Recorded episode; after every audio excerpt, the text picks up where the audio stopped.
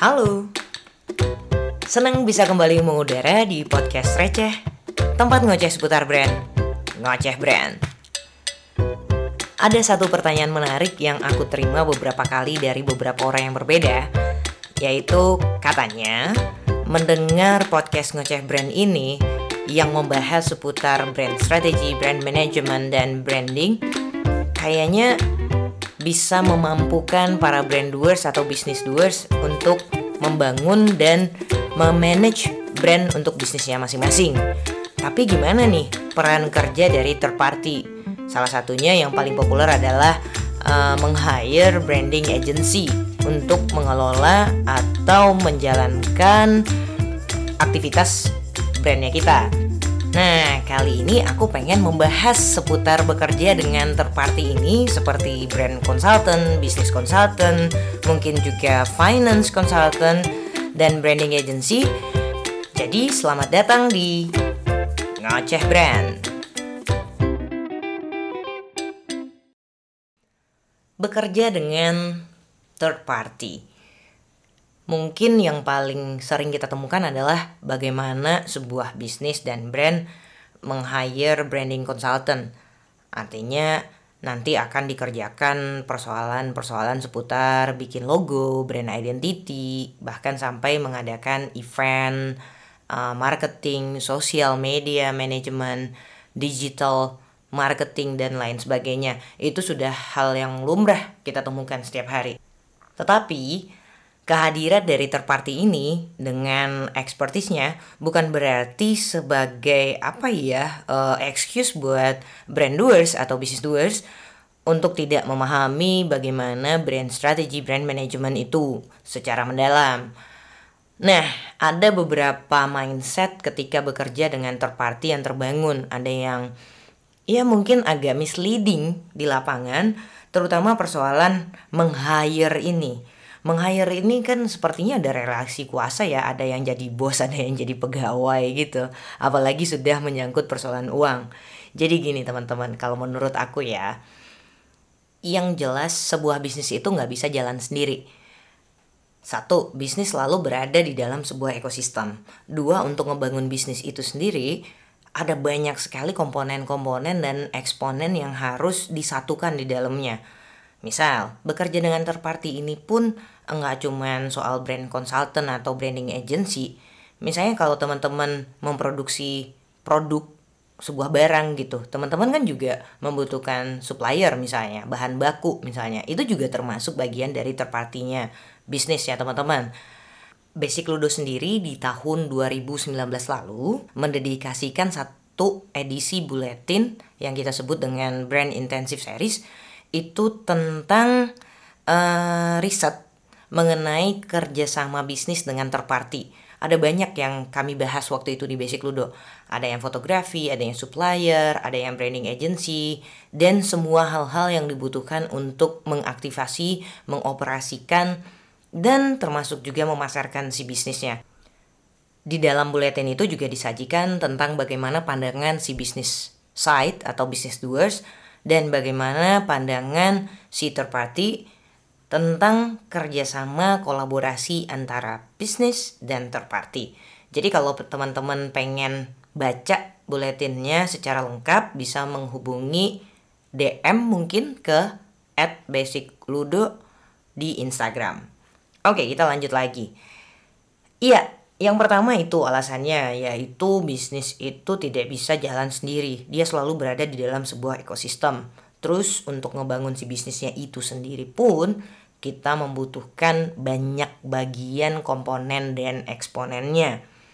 Nah, persoalan bekerja dengan terparti ini teman-teman juga perlu disadari bahwa mindsetnya bukan persoalan bayar orang untuk ngerjain kerjaannya kita itu sebuah mindset yang menurutku kurang tepat. Jadi bukan persoalan kita bayar orang untuk ngerjain kerjaannya kita karena kita nggak sempet atau kita nggak bisa atau apa pun alasannya.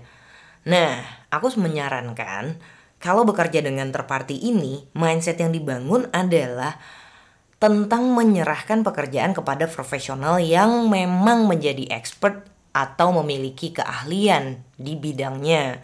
Jadi kalau ngasih kerjaan bikin logo ke branding agency misalnya itu bukan berarti teman-teman ngebayar mereka untuk ngerjain kerjanya teman-teman.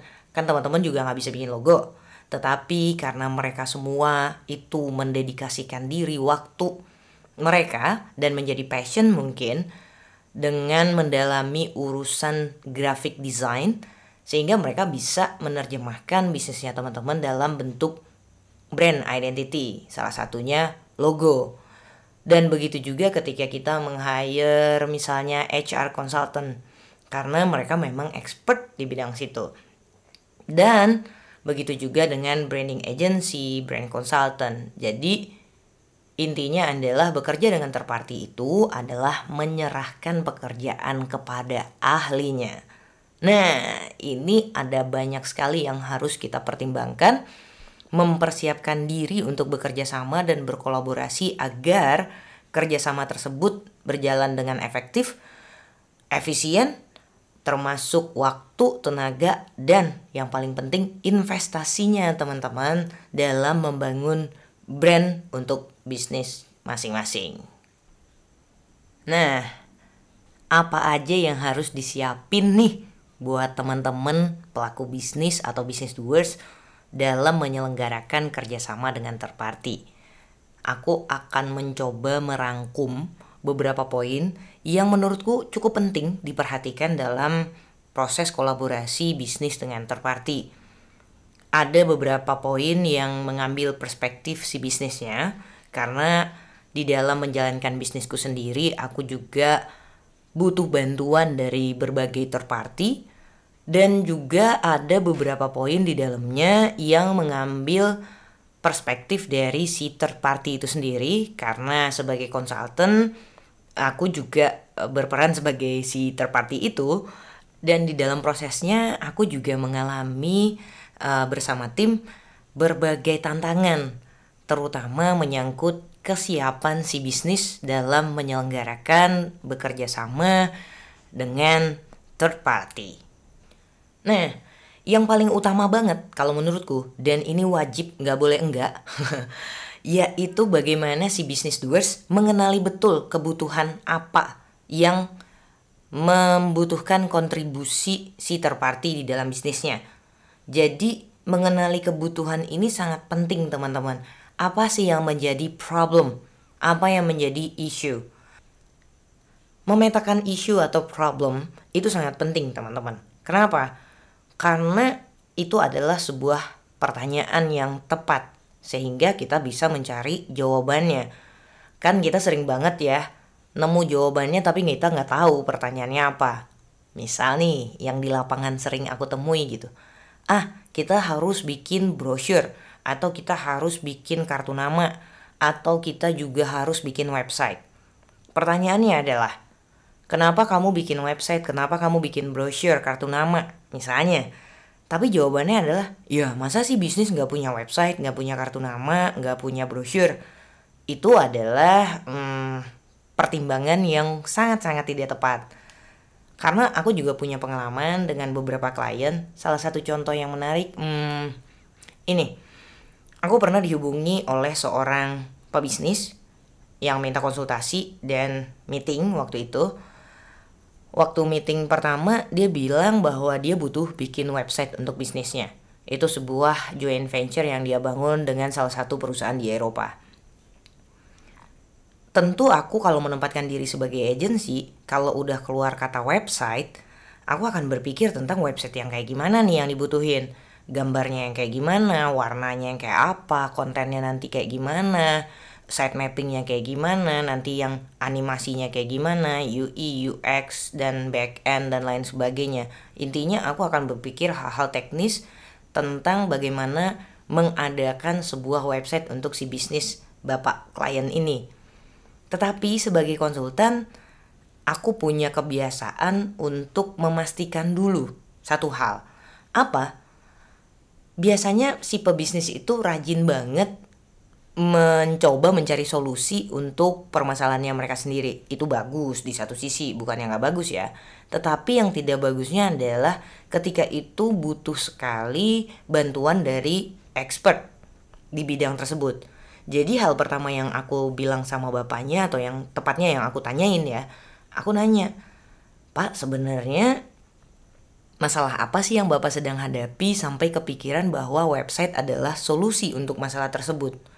Karena tentu sebagai konsultan, aku secara personal pengen banget ngasih solusi terbaik yang menyelesaikan problem-problem yang sedang dihadapi oleh rekan klien ini. Nah, ketika ditanya lebih detail, ketika kita gali lagi, ternyata permasalahannya lebih mendasar, yaitu mendefinisikan si bisnisnya yang berupa joint venture dengan salah satu perusahaan di Eropa. Tetapi si bapak ini sebagai klien sudah berpikir bahwa wah kalau ada website pasti akan ada profile, ada about, ada produk, ada how to buy the product gitu. Tapi kontennya itu siapa yang memikirkan gitu. Nah, sehingga intinya bapaknya ini belum punya yang mungkin ya namanya brand blueprint. Nah, ada berapa banyak di antara kita yang sering kali berpikir seperti itu kadang-kadang kita juga nggak tahu masalahnya itu apa tetapi sudah terburu-buru untuk memikirkan uh, solusinya itu apa jalan keluarnya itu apa jadi mending kita punya pertanyaan yang bagus agar kita punya jawaban yang bagus sehingga pemenuhan kebutuhan kita itu bisa diselenggarakan sangat tepat sesuai dengan yang diharapkan. Nah, masuk bagian kedua nih. Poin kedua adalah menentukan partner kolaborasi yang tepat. Makanya kalau pemetaan kebutuhan tadi itu nggak tepat, bagaimana mungkin kita bisa menentukan partner kolaborasi kita yang tepat? Dengan menentukan kebutuhan tadi, memetakan kebutuhan dan mengenalinya dan memahaminya dengan baik, maka kita bisa menyusun requirement-requirement untuk menemukan solusi. Nah, requirement itulah yang nanti akan membantu kita dalam menentukan partner kolaborasi yang paling tepat. Misal nih, ketika kita memetakan bisnisnya kita melalui strategic positioning kemarin yang kita sudah bahas sebelumnya, kita tahu bahwa kita harus menguatkan bisnis dari segi brand identity. Kemudian market kita itu punya worldview yang spesifik, misalnya anak muda misalnya. Yang ngepop atau trendy yang hype bis lah. Nah, dengan demikian kita bisa uh, melihat portofolio dari beberapa agensi yang kayaknya lebih banyak mengerjakan proyek-proyek branding yang berhubungan dengan anak muda yang populer atau lifestyle misalnya. Terus kalau usahanya kita itu ada di food maka kita akan mencari agensinya tinggal dikombinasiin. Agensi yang punya portofolio food, lalu food itu untuk anak muda yang trendy lifestyle kekinian. Nah, berarti dari sekian banyak agensi yang kita hunting, kita sudah punya pilihan-pilihan yang lebih mengerucut lagi beberapanya. Itu akan sangat membantu kita dalam menentukan partner kolaborasi kita. Lebih kurang seperti itu. Lalu yang ketiga apa nih? Nah, ini bagian yang agak-agak tricky nih, yaitu menyiapkan brief untuk partner kolaborasi. Um, brief ya. Apa aja sih isi brief yang baik untuk partner kolaborasi? Kalau menurut pengalamanku dari brief-brief yang berkembang itu udah templatean dan kadang-kadang enggak efektif. Aku bisa bilang bahwa brief-brief yang banyak dikirim ke aku adalah brief yang kurang efektif dalam mencari solusi untuk permasalahannya. Justru kebanyakan brief yang ada tidak menerangkan isu atau problem yang sedang dihadapi oleh bisnisnya. Tetapi udah langsung uh, eh, gue mau ini, gue mau itu, gue mau posters, gue mau uh, digital ads dan lain sebagainya gitu. Oke, okay, kita positive thinking bahwa mereka sudah mempertimbangkan punya expert di dalam bisnisnya mereka. Tetapi bagaimana dengan eh, teman-teman yang bergerak di usaha micro brand misalnya yang belum punya tim dedicated untuk brand management dan marketing communications misalnya. Brief yang baik menurutku ya adalah brief yang bisa dimengerti oleh si third party.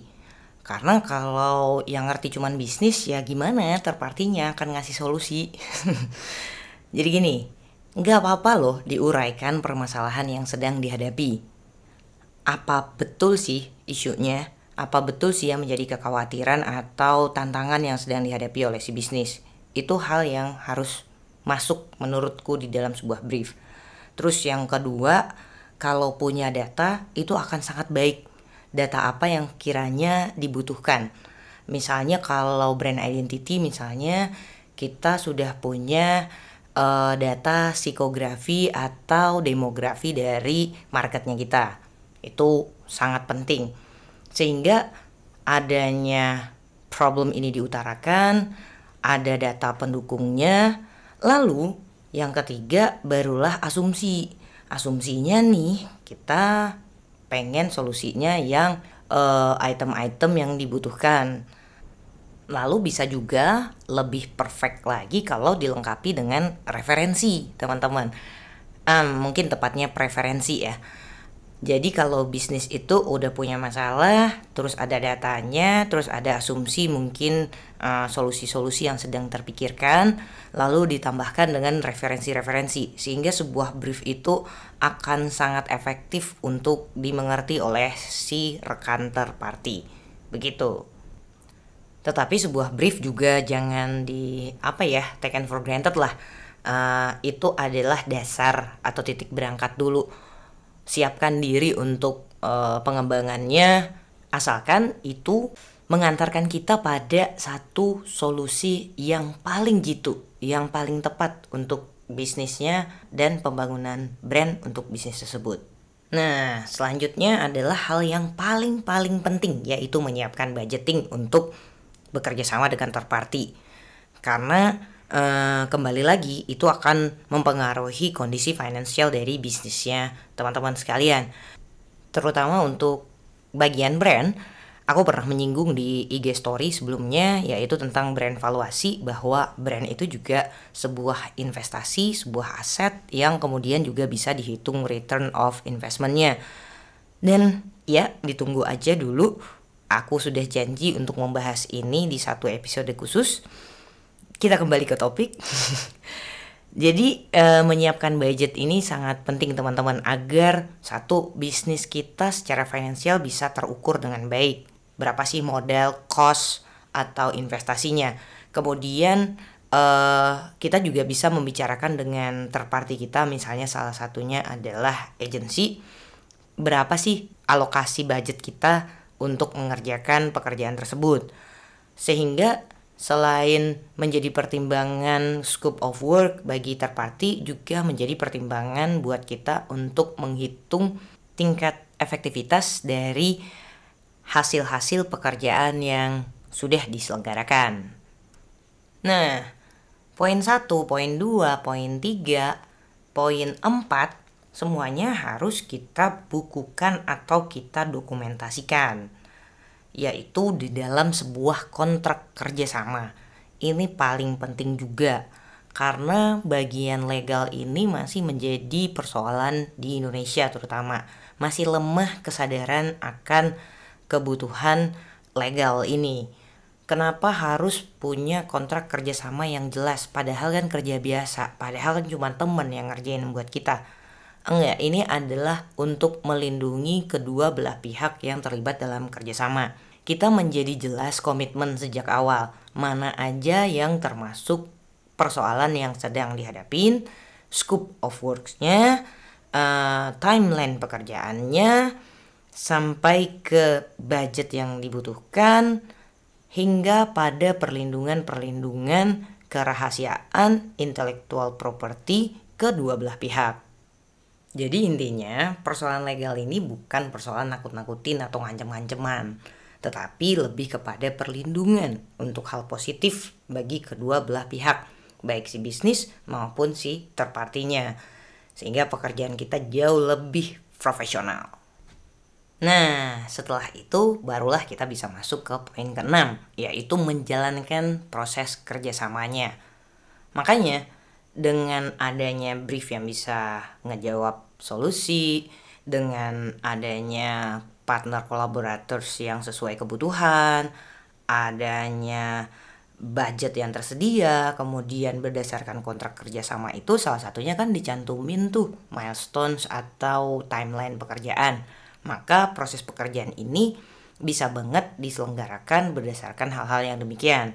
Jadi dilihat sesuai dengan timeline nggak sudah ditentukan belum kapan uh, review atau uh, revisinya berapa kali, kemudian uh, kapan deadline finalnya, apa aja output kerjanya. Jalankanlah proses tersebut dengan secara uh, matang dan dewasa. Maksudnya gimana? Tidak menyerahkan semuanya hanya pada satu pihak. Ingat, bisnis itu punyanya teman-teman. Yang paling mengerti bisnis dan brand yang sedang dibangun itu adalah teman-teman. Tetapi expert atau yang bekerja sebagai third pun adalah yang paling mengerti juga ahlinya juga dalam memberi solusi sehingga pembangunan kepercayaan atau trust itu sangat penting dijaga. Bekerja dengan third party ini adalah sebuah pekerjaan yang membutuhkan relasi yang mutual dan equal, setara. Jadi nggak ada yang di atas, siapa yang di bawah, sehingga nggak ada yang bisa so jual mahal mentang-mentang bisnis yang punya duit buat bayar bukan berarti bisnis bisa semaunya dan begitu juga mentang-mentang agensi yang punya keahlian lalu bisa berbuat semaunya juga. Tentu itu adalah persepsi yang salah. Makanya yang paling benar adalah bekerja sama-sama, yang setara. Lalu kalau pekerjaan udah dilakukan, diselenggarakan, apalagi nih yang paling penting lagi yaitu mengaktifasi output kerja dari kerja kolaborasi tadi. Kalau nggak diaktifasi ya nggak akan kelihatan hasilnya. Misal nih, kalau udah dibikin plan untuk sosial media misalnya, maka itu harus dipublish dong, harus diposting dong sesuai dengan jadwalnya, harus dimonitoring, harus dilakukan evaluasi berkala agar permasalahan kita tadi itu yang titik berangkat kita tadi itu bisa kita cek, bisa kita periksa apakah sudah terselesaikan dengan baik atau belum. Seberapa impactnya dan persoalan investasi tadi, seberapa pengembaliannya yang bisa kita ukur kepada bisnisnya kita. Itu juga harus menjadi perhatian khusus karena semuanya sudah dipertimbangkan dengan sangat matang tentunya. Nah, Hasil evaluasi itu juga bisa menjadi pertimbangan kita selanjutnya untuk melanjutkan kerjasama atau membuat kerjasama baru dengan third party atau juga menjadi pertimbangan kita tentang solusi-solusi yang sudah dijalankan atau diaktifasi tadi. Selanjutnya, yang terakhir kalau menurut aku adalah mengapresiasi jalannya kerjasama. Kadang-kadang karena udah dibayar, kayaknya udah selesai aja gitu. Tetapi apresiasi ini jauh lebih uh, mengena ke persoalan moral dan etikanya kita. Bagaimana menjaga hubungan baik antara bisnis dan terparty yang merupakan eksponen yang berada di dalam sebuah ekosistem bisnis adalah hal yang perlu sekali dilakukan. Aku rasa itu hal-hal yang paling penting diperhatikan dalam bekerja sama dengan third party terutama dengan branding agency yang menjadi kasus yang aku angkat kali ini. Kalau teman-teman ada yang menambahkan atau melengkapi lagi apa aja yang harus diperhatikan dalam bekerja sama dengan third khususnya branding agency, boleh sekali lagi untuk mengirimkan DM-nya di Instagram aku atau email colek-colek di Twitter juga bisa di @nisaulaulia. Aku berharap ocehan kali ini juga bisa memberikan perspektif lain, pengayaan lain bagi teman-teman para business doers, brand doers untuk mengembangkan, mengelola brandnya dengan sangat baik terutama dalam persoalan menentukan kerjasama kolaborasi dengan third party. Jadi teman-teman, sampai di sini dulu episode kali ini. Sampai jumpa di ocehan berikutnya. Bye bye.